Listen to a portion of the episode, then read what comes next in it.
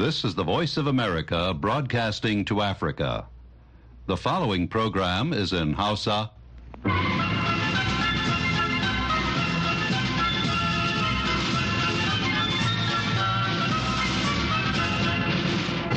Sashen Hausa na murya Amurka ke magana daga nan birnin Washington DC.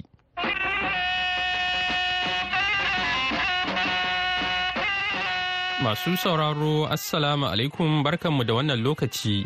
Muhammad Hafiz Baballe ne tare da Mahmud Lalo da sauran abokan aiki muke farin cikin gabatar muku da wannan shirin na rana a yau Laraba bakwai ga watan Fabrairu na shekarar 2024.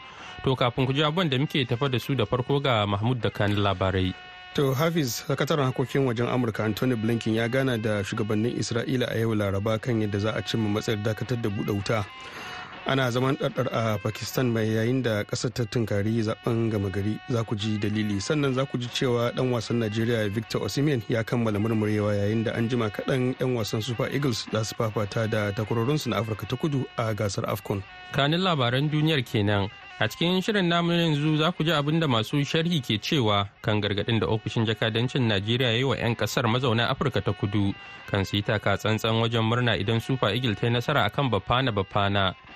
To a gaskiya a kiran da Najeriya ta yi wa Afirka ta kudu akan wannan maganar ƙwallo a gaskiya bai zama wato wato nuna kwarewa a harkar diplomasiya ta zamantakewar duniya ba. Za a ji kuma yadda masu shari kan harkokin ƙwallon kafa ke kallon karawar da ƙungiyar Super Eagle ta Najeriya za ta yi da ƙungiyar Bafana Bafana ta Afirka ta Kudu.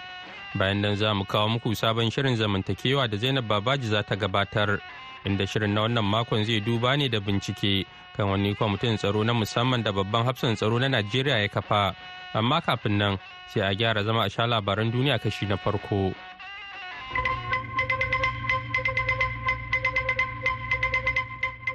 To jama'a assalamu alaikum. Sakataren harkokin wajen Amurka Anthony Blinken ya gana da shugabannin Isra'ila a yau Laraba kan yadda za a cin matsayar dakatar da buɗe wuta a Gaza a kuma saki mutanen da Hamas take riƙe da su. Wannan gana wacce ta hada da Prime Minister Benjamin Netanyahu da Ministan Tsaro Yoav Gallant da shugaba Isaac Hargos. na zuwa ne kwana guda bayan da Blinken ya ce shugabannin Hamas sun ba da amsar su kan bukatun da aka gabatar musu. There's still a lot of work to be done, but we continue to believe that an agreement is possible and indeed essential. Blinken ya ce har yanzu akwai sauran aiki a gaba amma muna da kwarin gwiwar za a iya cimma matsaya kuma ba za mu yi ƙasa a gwiwa ba. A Doha babban birnin Qatar Amurka ta ce tana yin nazarin amsar da Hamas ta bayar kuma ta miƙa ta ga hukumomin Isra'ila.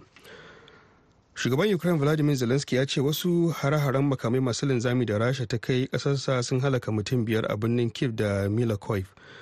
Dakarun ukraine sun ce hare-haren na rasha sun hada da na jirage mara matuka guda ashirin da makamai masu linzami kirar s-300 guda biyar da kuma guda uku kirar ballistics. Sun kara da cewa makaran tsaron sararin samaniya ƙasar sun lalata jirage mara matuka guda sha biyar daga cikin ashirin da rasha ta harba da kuma makamai masu linzami guda ashirin da tara cikin arba'in da huɗu. Shugaba zelensky ya ce mutum ɗaya a kashe a birnin wato hukumomin pakistan sun ce akalla mutum 27 ne suka rasa rayukansu sannan wasu da dama suka jikkata bayan fashewar wasu bamabamai biyu a wasu ofisoshin yaƙin neman zaɓe da ke kudu maso yammacin lardin balochistan. Hare-haren sun auku ne a gundumomin da ake kira fishin da killa. Lamarin da ya haifar da damuwa kan yanayin tsaro gabanin zaɓen gama gari da za a yi a ƙasar ta pakistan mai yawan mutum miliyan 441 people carried the wounded to ambulances in the chaotic aftermath. Wakilin kamfanin dillancin labarai na apk ne ke cewa cikin wannan rudani mutane suka yi ta saka waɗanda suka ji rauni a motar ɗaukar marasa lafiya. Babu dai wata ƙungiya da ta ɗauki alhakin hare-haren waɗanda suka faru mako guda bayan fashewar wani bam a wajen wani yaƙin neman zaɓe a lardin na balochistan wanda ya halaka mutum biyar.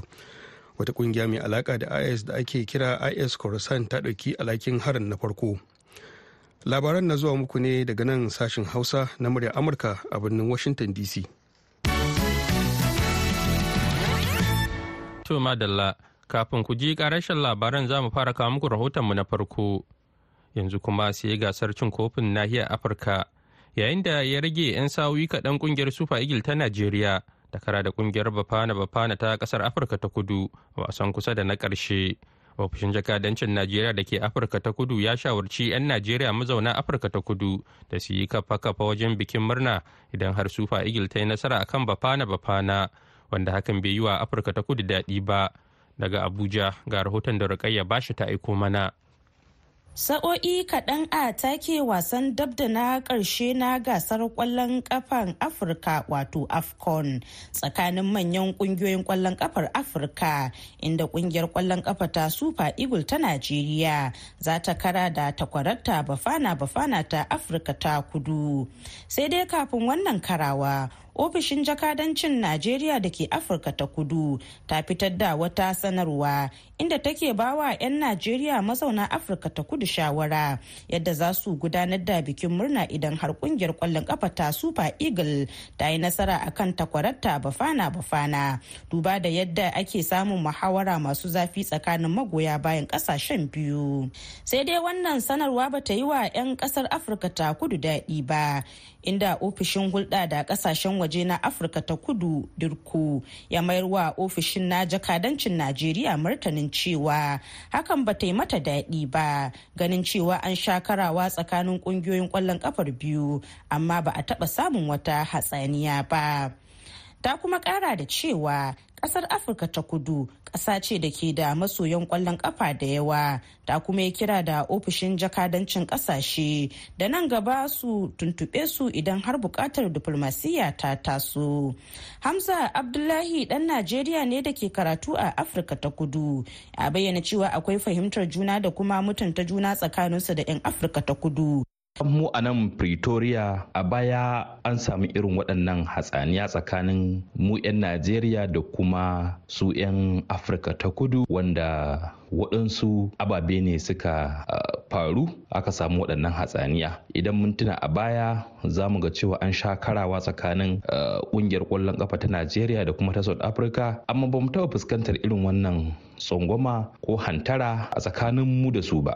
Nuhu abba ibrahim tsohon jami'in shige da fice ne a najeriya wanda kuma ya taba zama a afirka ta kudu. Ya shaida cewa akwai dangantaka mai ƙarfi tsakanin 'yan afirka ta kudu da kuma 'yan najeriya mazauna can. A magana gaskiya dai ba wata ce akwai wata babban matsala ba tsakanin 'yan najeriya can da suke zaune a can south africa. A hirarsa da muryar amurka faruk bibi faruk mai sharhi ne kan lamuran da suka shafi yau da kullum kuma malami a jami'ar abuja ya ce ba wannan hanya ya kamata ofishin jakadancin najeriya ya bi wajen yi wa 'yan ƙasar ta gargaɗi ba. To a gaskiya a kiran da Najeriya ta yi wa Afirka ta kudu akan wannan maganar ƙwallo a gaskiya bai zama wato wato a nuna kwarewa a harkar diplomasiya ta zamantakewar duniya ba.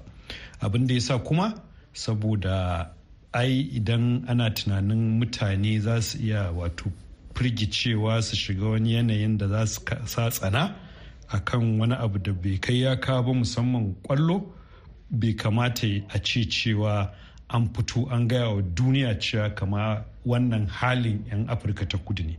Su fa afirka ta kudu kwanan nan suka je kotu suka kai isra'ila kotu akan isra'ila tana kisan gilla akan bambancin wato fata da bambancin wato zuriya. Yanzu dai magoya bayan ƙungiyar ƙwallon kafan ƙasashen biyu suna jiran dakon yadda wasan za ta kaya. Rukayya basha muryar amurka daga abuja a najeriya. A gaida rukayya basha. Har yanzu kuna tare ne da sashen hausa na murya amurka. Yanzu kuma ga ƙarshen labaran duniyar. Ta hukumomi a kudancin philippines sun ce akalla mutum shida ne suka rasa rayukansu sannan wasu da dama sun bata bayan da aka samu aukuwar zaizayar kasa a wani ƙauye da ake haƙar gwal. Lamarin ya faru ne a daren ranar talata a yankin masara da ke ƙauyen da ake kira mako a lardin davao de oro. Ibtila'in ya lalata gidaje da dama sannan ya rufe wasu motocin safa guda biyu da ke ɗauke da ma'aikatan da ke haƙar ma'adinan.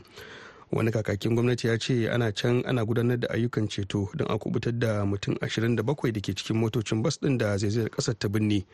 Mutum takwas sun tsira bayan da suka yi tsalle suka dira ta tagogin motocin kafin ƙasar ta rufe su. Dan wasan najeriya victor osimhen ya murmure daga rashin lafiyar da ya kama shi har ma ya yi atisaye da abokanan wasansa na super eagles a cewar kamfanin dillancin labarai na ap an jima kaɗan najeriya za ta kara da 'yan wasan bafana bafana na afirka ta kudu a wasan dab da na ƙarshe da za a buga a gasar cin kofin nahiyar afirka da ake yi a ivory coast.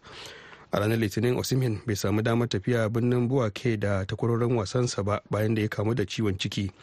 Sai da ranar talata ya samu sauƙi ya kuma yi atisaye da 'yan wasan na najeriya.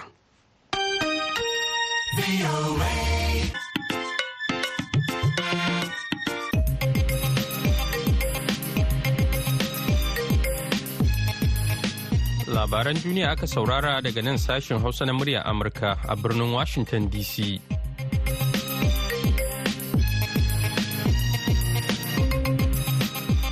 madalla.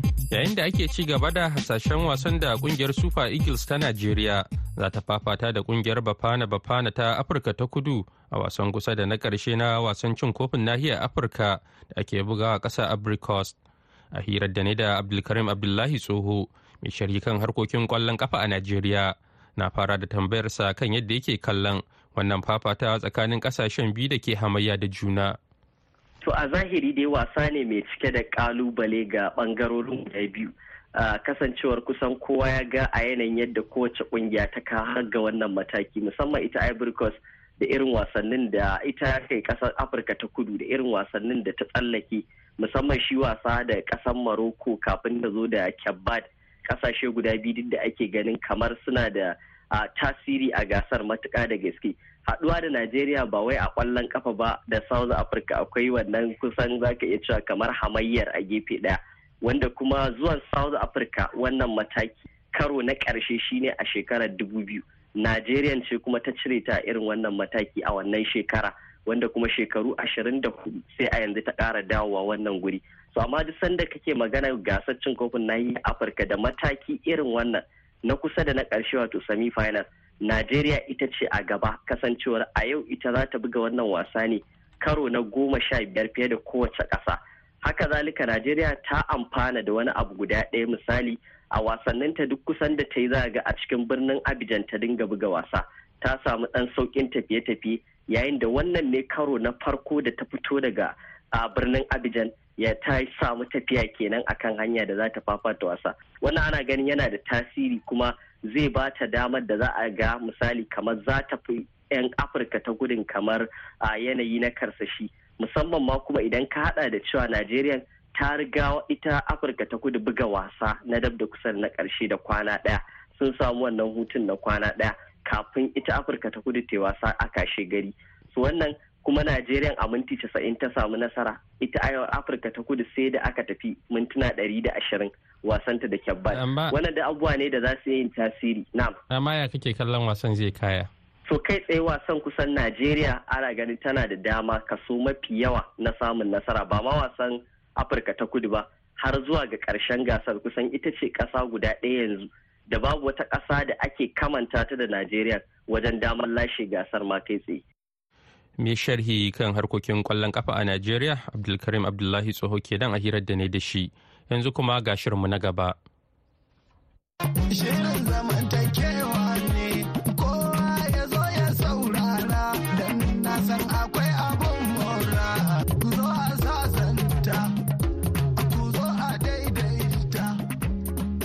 Masu sauraro barkanmu da warhaka sannunmu da sake saduwa a zauren zamantakewa inda muke tattaunawa da masu ruwa da tsaki don samun zaman lafiya da inganta zamantakewa tsakanin mutane da ke da bambancin addini, kabila, jinsi da sauransu domin haɗin kai da ci gaban Najeriya. Zaman lafiya da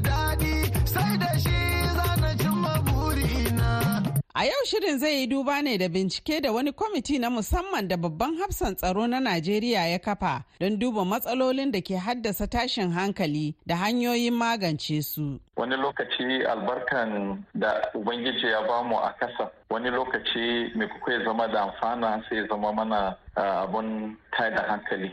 Yanzu mining a jihar Nasarawa ya bambanta da mining inda ake yin shi da, saboda tunda mun zo Allah ya taimake mu muna da ilimin abin to shine sai muna bi a hankali duka kamfanonin mining ɗin nan mun san su Najeriya na fama da tarin matsalolin tsaro iri daban-daban kama daga garkuwa da mutane don karɓan kuɗaɗen fansa na fitar hankali, hare-hare kan mutane, rikicin ƙabilanci, addini, siyasa da sauransu. Kan haka ne babban hafsan tsaro a Najeriya janar Christopher Musa ya naɗa wani kwamiti na musamman don duba matsalolin da ke haddasa rashin zaman lafiya a wasu sassan jihar Plateau. Kwamitin ƙarƙashin shugabancin Manjo Janar Augustin Agundu mai ritaya ya gano cewa ayyukan haƙar ma'adinai na daga cikin musabbabin rashin zaman lafiya ba ma a jihar Plateau kaɗai ba har ma a wasu jihohin ƙasar. A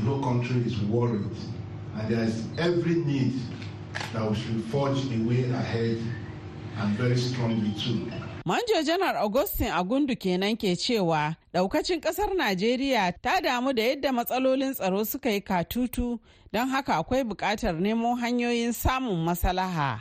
Unfortunately, there is this issue of uncoordinated and unregulated mining activities, unorganized ya ce abin takaici shine akwai rashin tsari a harkokin haƙar ma'adinai a yankunan ƙananan hukumomin mangu bokos da barikin ladi wanda ke haddasa tashin hankali da kaiwa hare-hare Najeriya na da nau'ukan ma'adinai daban-daban wanda idan an sarrafa su yadda ya kamata al'ummar ƙasar za ta mori albarkatun da Allah ya yi wa ƙasar. Malami a sashen nazarin albarkatun da ke ƙarƙashin ƙasa na Jami'ar Jos, Dr. Teso Aga, ya ce Najeriya na da ɗimbin albarkatu a ƙarƙashin ƙasa. Kowane irin madanin da za a samu a duniya akwai kusan a ce hamsin bisa dari a nan Najeriya. Amma gwamnatin tarayya sun lissafa 44 minerals wanda ana sane da shi da za iya a cire. Amma wanda an fi sani shine gold da kuma su precious stones. Precious stones da muke da su sun kai fiye da dubu yanzu haka a cikin Najeriya.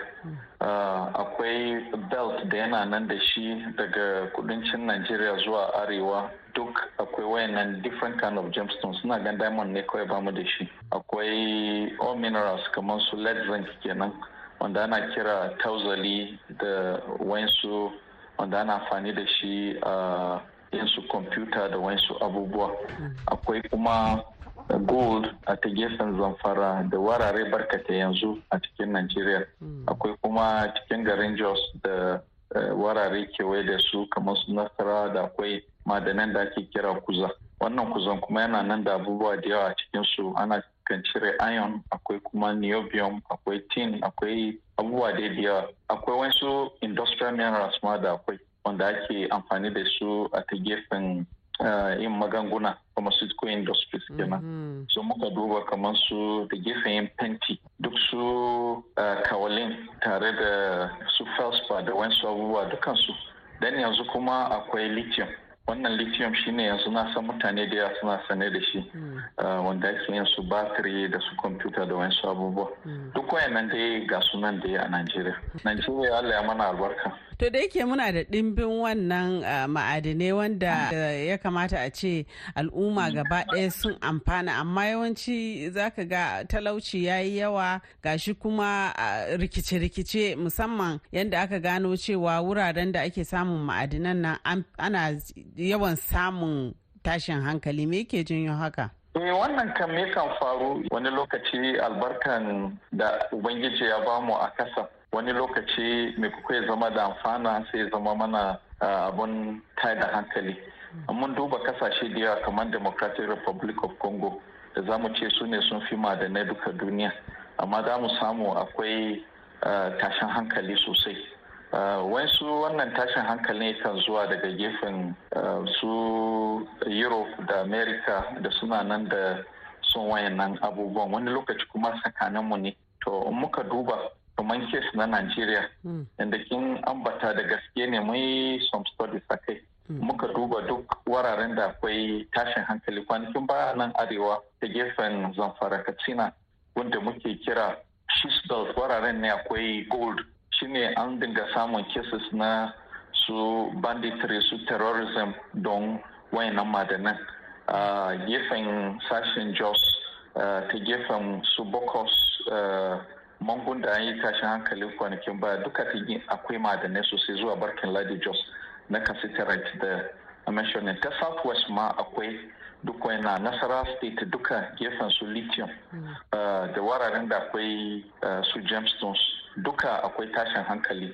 Don population yanzu ya riga ya karu yadda ke magana akwai rashin aiki. So mutane da yawa ana struggling ne don waye ne zai controlling wayannan resources? Jihar Nasarawa da ke da taken gidan ma'adinai to sai dai al'ummomin da ma'adinan ke yankunan su sau da dama suna kokawa kan rashin cin gajiyar albarkatun inda a wasu lokuta ma 'yan ta'adda na mamayar su yayin da a wasu lokutan kamfanonin da ke haƙar ma'adinan ba sa sauke haƙƙinsu na tallafi hasali ma ana tone musu manyan ramuka da ke hana su samun filin noma da dai sauran matsaloli. Sunana Abubakar Audu Ede malamin hakimin da Jambaki. To alhamdulillahi ma'adinai dai akwai su dimbin alade a cikin wannan ƙasa na Udage. Musamman a cikin garin Udage muna da kuza, muna da Columbine, muna da kuma Tantalai, Kamalin, Zakon, Ayom, Meka, akwai kuma consonant akwai Livingston wanda yanzu Livingston ɗin nan har an kafa kamfani a kama a garin kama hoto wanda aiki ya kan kama ana sarrafa shi. Yaya al'umman yankin ke amfana musamman da waɗannan ayyukan ma'adinai ko kuma da su waɗannan ma'adinai da ke yankin su?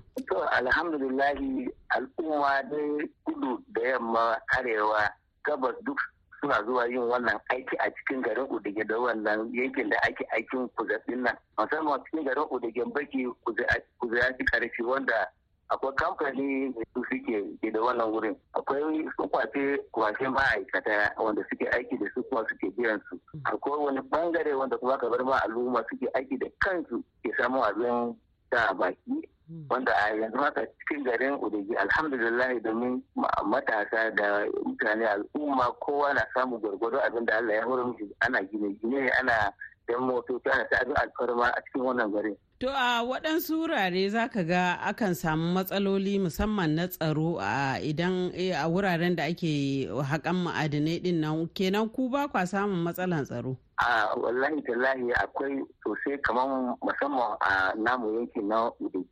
akwai wani wasu wurare a gefe kusan da su kamfanin nan da aka ba su aiki sun su tani ina sai suka tafi suna sayan gidajen al'umma wanda ba tare da sanin mu mutanen gari ba suna ba mutane kudade wai suna sayan gidaje din don za su haɗa makuza a wannan wurin. Da abin hari kwanaki ya ya kawo saɓani tsakanin matasan gari da a su wayannan kamfanoni. Ya ke ga mai gida ma ya kafa kwamiti wanda yanzu ana kan bin wannan magana matasa ba su yarda ba kan illan da zai biyo bayan in aka yarda musu suka haka wannan wurin matasa suka ki. A gidajen da ke wannan yanki sun kai ɗari amma sun sayi gidaje kusan ashirin. To muka ce musu to sai ku biyo wanda kuka sai musu su muku da kuɗaɗen su domin kuwa wannan wurin su zai ci musu ba. Yanzu magana da ina hannun kwamiti wanda ana kai da dawa a kan sassanta wannan rigima da ke wannan wurin kenan. A gefe guda kuwa gwamnan jihar Nasarawa Abdullahi Sule ya ce al'ummar jihar sun fara cin moriyar sabon tsari da gwamnatinsa ta yi na haƙar ma'adinai. Yanzu misali zan fara baki in zan fara barin fara da gida daga ƙauyenmu. A ƙauyenmu yanzu a gude. Da muna ganin ana zuwa ne kawai ana kwasan dutsen mu ana fita da shi. Yanzu mun ai mun zauna tare da masu irin kwasan dutsen nan sai dai su zo su kafa kamfanin da zai rinka yin mabul a garinmu. To sun zo sun yi. Yanzu mabul din da kika shiga kina gani a sabon airport terminal na abuja da sabon airport terminal na lagos daga wannan wuraren suka zo. A jihar nasarawa aka yi su. Da yawancin mining dinmu a nan da ake a jihar nasarawa ana kiran shi illegal mining ne. Sai muka zo da abin da ake kira executive order wanda gwamna ya sa hannu. Cewa duk wanda zai zo ya rinka yin mining a jihar nasarawa to sai dai kuma ya kafa kamfanin da za ta rinka processing wannan mining din. To saboda haka yau muna da kamfanoni guda uku waɗanda za su yi lithium. Lithium kuma yanzu shine ya fi kowane ma'adinai albarka no daraja. So yanzu kamfanoni guda uku ne. Ɗaya daga cikin kamfanonin nan yana cikin garin nasarawa ana kiran landmark. Shi wannan sun riga ma sun kusan gamawa. Akwai ɗaya a ƙarshe shi kuma wannan ba za a gama ba sai kusan tsakiyar shekara mai zuwa. Ɗayan wanda ya fi kowanne girma yana garin endo. Shi ma a udage shi kuma sai kusan ƙarshen abin nan. To akwai irin wayannan kamfanonin da dama kullum muna sake ƙoƙarin a suyi ne. Bayan haka yanzu mutane ido ya buɗe ana biyan su compensation ɗinsu kinji to amma duk da haka muka ce bai isa ba sai an yi kamfani a wurin an ɗauki 'ya'yansu aiki sai kuma an tabbatar mana wannan kamfanin ba zai fito da wayansu abubuwa na cuta da in bayan ya tafi wayannan mutanen za su cutu ba da wayansu cututtuka daban-daban. To shine ake kira AIA to duk muna yin wayannan yanzu. To saboda haka yanzu mining a jihar Nasarawa ya bambanta da mining inda ake yin shi da. You saboda tunda mun zo Allah ya taimake mu muna da ilimin abin to shine sai muna bi a hankali. Yanzu duka kamfanonin mining ɗin nan mun san su. Kuma ai da ba taba samun minista na mining ya taso ya zo jihar Nasarawa ya zo ya fara maganan wani sabon kamfani da za a yi saboda process. Illegal mining kawai ake ta ko ina da ina. So sun ɓoye sunan yanzu sai su ce artisanal mining. Amma dukkan illegal ne ba wai wani abu ba ne to amma yanzu duk yanzu mun bari mu a jihar nasarawa wannan executive order din ya rufe. Ba wai ba na ce miki ba ba illegal ba. Akwai wanda suke nan a ɓoye suna yi saboda hannunmu bai kai kansu ba.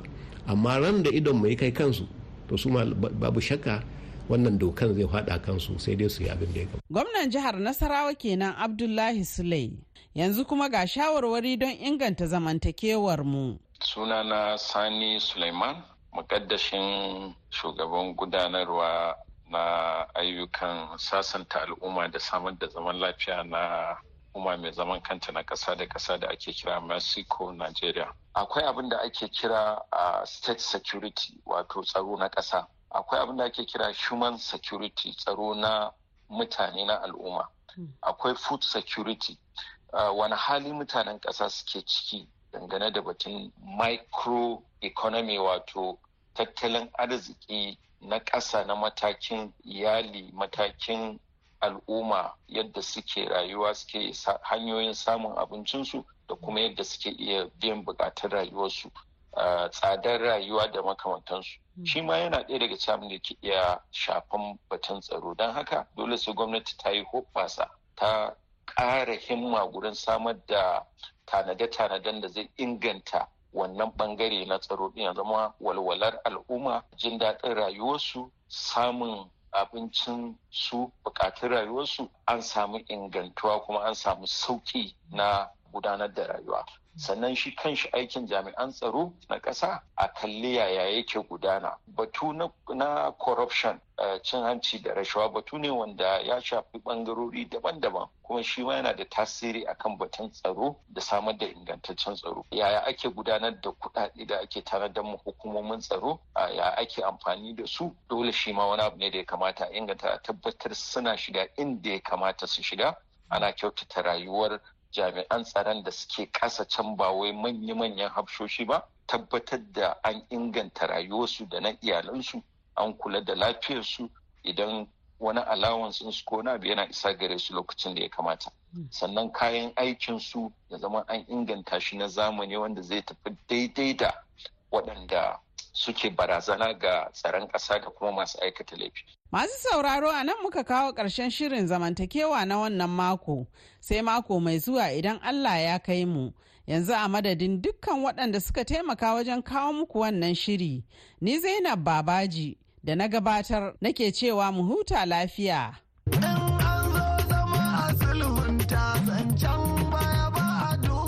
A gaida Zainab Babaji, yanzu kuma ga labaran duniya a taƙaice. To sakataren harkokin wajen Amurka Anthony Blinken ya gana da shugabannin Isra'ila yau Laraba kan yadda za a cimma matsayar dakatar da buɗe wuta a Gaza a kuma saki mutanen da Hamas take riƙe da su. Dan wasan Najeriya Victor Osimhen ya kammala murmurewa yayin da an jima kaɗan 'yan wasan Super Eagles za su fafata da takwarorinsu na Afirka ta kudu a gasar AFCON. An jima kaɗan ne za ta kara da 'yan wasan wato na Bafana Bafana. A wasan dab da na ƙarshe da za a buga a gasar cin kofin nahiyar afirka da ake a ivory coast. A ranar litinin osimhen bai samu damar tafiya birnin buwake ba saboda rashin lafiya da ya kama shi. Masu sauraro da takaitattun labaran muka kawo ƙarshen shirin a wannan lokaci. An jima da daddare da misalin ƙarfe tara da rabi agogon najeriya nijar kamar da chadi wato takwas da rabi kenan agogon gmt da ghana. Za mu sake dawa da wani sabon shirin. Yanzu a madadin dukkan waɗanda aka ji muryoyinsu musamman mahmud lalu da ya karanto labarai da kuma jul leathers gresham da ta ba da umarni da ma injiniyan mu na yanzu carl. Ni Muhammad Hafiz Baballe ke sallama da ku sai mun haɗu insha Allah a cikin shirinmu na dare. Yanzu kuma sai a gyara zama a saurari shirin yau da gobe.